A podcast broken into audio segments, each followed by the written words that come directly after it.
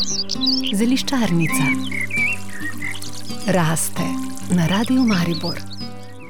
Pozdravljeni, drage poslušalke in spoštovani poslušalci. V tokratni zeliščarnici bomo govorili o koromaču oziroma sladkem komarčku.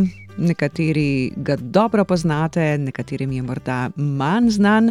Dobro ga pozna tudi naša Sanja Lončar, urednica spletnega središča za zdravje Pikanet. Sanja, lepo pozdravljeni. Ja, lep pozdrav, prav vesela sem, da je danes koromač na vrsti.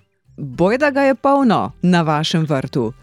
Na našem vrtu ga ne sme zmanjkati, imamo ga vseh vrst, rdečega, sladkega, divjega in gomoljnega, s tem, da gomoljnega posejem prav vedno na novega leta dan, zato da ga v maju že imamo v obliki gomolje, ker če zamudiš, potem gre v cvet. Verjamem, da boste prepričali tako mene, kot tudi številne poslušalce, da ga bomo tudi mi imeli na vrtu. Sama moram priznati, da ga poznam samo kot odličen čaj za dojenčke proti napenjanju, tisti sladki komarček ali pa mešanica kumina Janeš komarček. Ja, bi lahko rekla, da je komarček oziroma koromač menedžer za želodec. Torej, vsi, ki tako malo z želodcem odreagiramo, ali nam hrana malo zastaja v želodcu, ali ko smo nervozni, nimamo dobre prebave, eh, super je uposliti uh, koromač, da pomaga, ker koromač bo zaspani želodec budil, tako da hrana ne obleži v njem. Če pa imamo preveč nervozni želodec, ga umiri. Hildegarda je res imela to zelišče za univerzalno zdravilo za prebavne težave. Torej, kot ste omenili, najbolj ga poznamo, ker preprečuje napenjanje, pa s njim pomagamo ne le otrokom, lahko bi tudi sebi. Ampak poznali smo ga že dolga stoletja nazaj in ljudje so ga uporabljali iz številnih drugih razlogov. Da nimo gladiatori ali fizični delavci so uživali veliko tega, ker jim je dejalo večjo fizično moč. Z njegovim oljem so mazali mišice, zato da ne pride do krčev, torej ne le v črvesju, tudi v mišicah. Potem zelo zanimivo uporabljali so ga tudi kot sredstvo za hujšanje, zaradi tega, ker ko grizljamo semena, zelo ugasne občutek lakote. Seveda, uporabljali so ga tudi reveži, ki niso imeli kaj za pojest, pa so si s tem blažili občutek kruljenja v želodcu.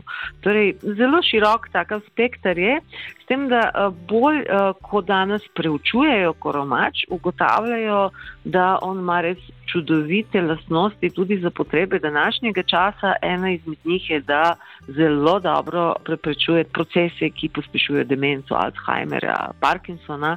Torej, koromač res ne sme manjkati v naši prehrani. Pa niso uporabna samo semena. Ja, redke so rastline, ker lahko rečemo tako, brez zadržka, da je čisto vse uporabno. Korenina, steblo, zadebeljeno stebelce, listi, kvetovi, plodovi. Celo, zelo podobna je sestava, razlika je le v koncentracijah. Torej, koncentracija eteričnega olja je največja v cvetovih in v plodovih, dočim so list listi, pa stebelca, pa gomolji, tako bolj blagi, zato jih tudi lahko uživamo v večji količini. Zanimivo je pa, da je tudi korenina zelo zdravilna. Korenina koromača se uvršča med štiri najbolj zdravilne, ko gre za čiščenje krvi. Pa tudi zavit je koromač eh, priporočljiv, kaj uporabljamo v tem primeru? Ja, že včasih so uporabljali koromač v različnih oblikah. Recimo moja babica je imela tako eno flaško z namočenimi koromačevimi semeni v alkoholu in eh, potem je to rečila z vodo in si s tem izpirala oči. Glede na to, da ni imela sive mrene, 90 let je bila stara, recimo, da je to tudi delovalo.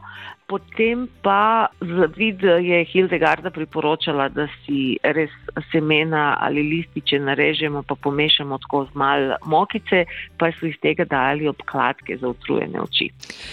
Mene ste že prepričali, zdaj pa povejte, ali lahko v tem času sejem ali sadim koromač, ali je vlak že odpeljal za letos? Tako je. Najboljše, tisti, ki ga že nimajo na vrtovih, je najboljše, da se odpravijo v naravo. Torej tam, kjer je dovolj sonca, raste veliko divjega koromača.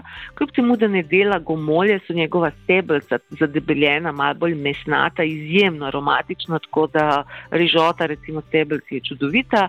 Naberemo lahko tudi lističe, eni jih posušijo, ja jih raje vložim kot pesto, ker potem ohranijo popolno aromo.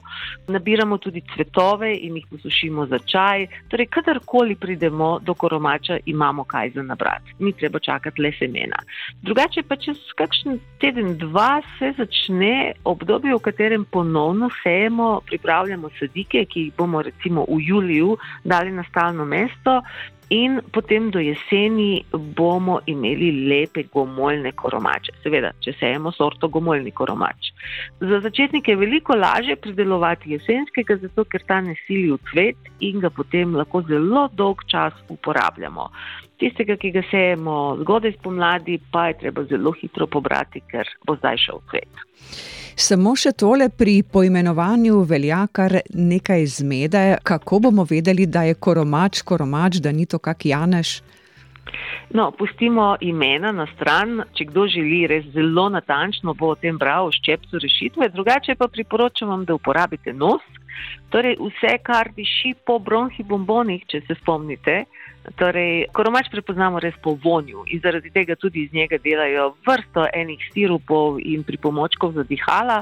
Karkoli mal stisnite, odščipnete, povohate in pogrizljate, če začutite ta značilni osvežilni okus bombonov za dihala, potem ste na pravem mestu priznam, da bi si zdaj enega najraje privoščila. Sanja Lončar, urednica spletnega središča za zdravje Pikanet, hvala tudi za vse zanimive in koristne informacije o koromaču in dobrodošli spet čez teden dni. Zeliščarnica raste na radiju Maribor.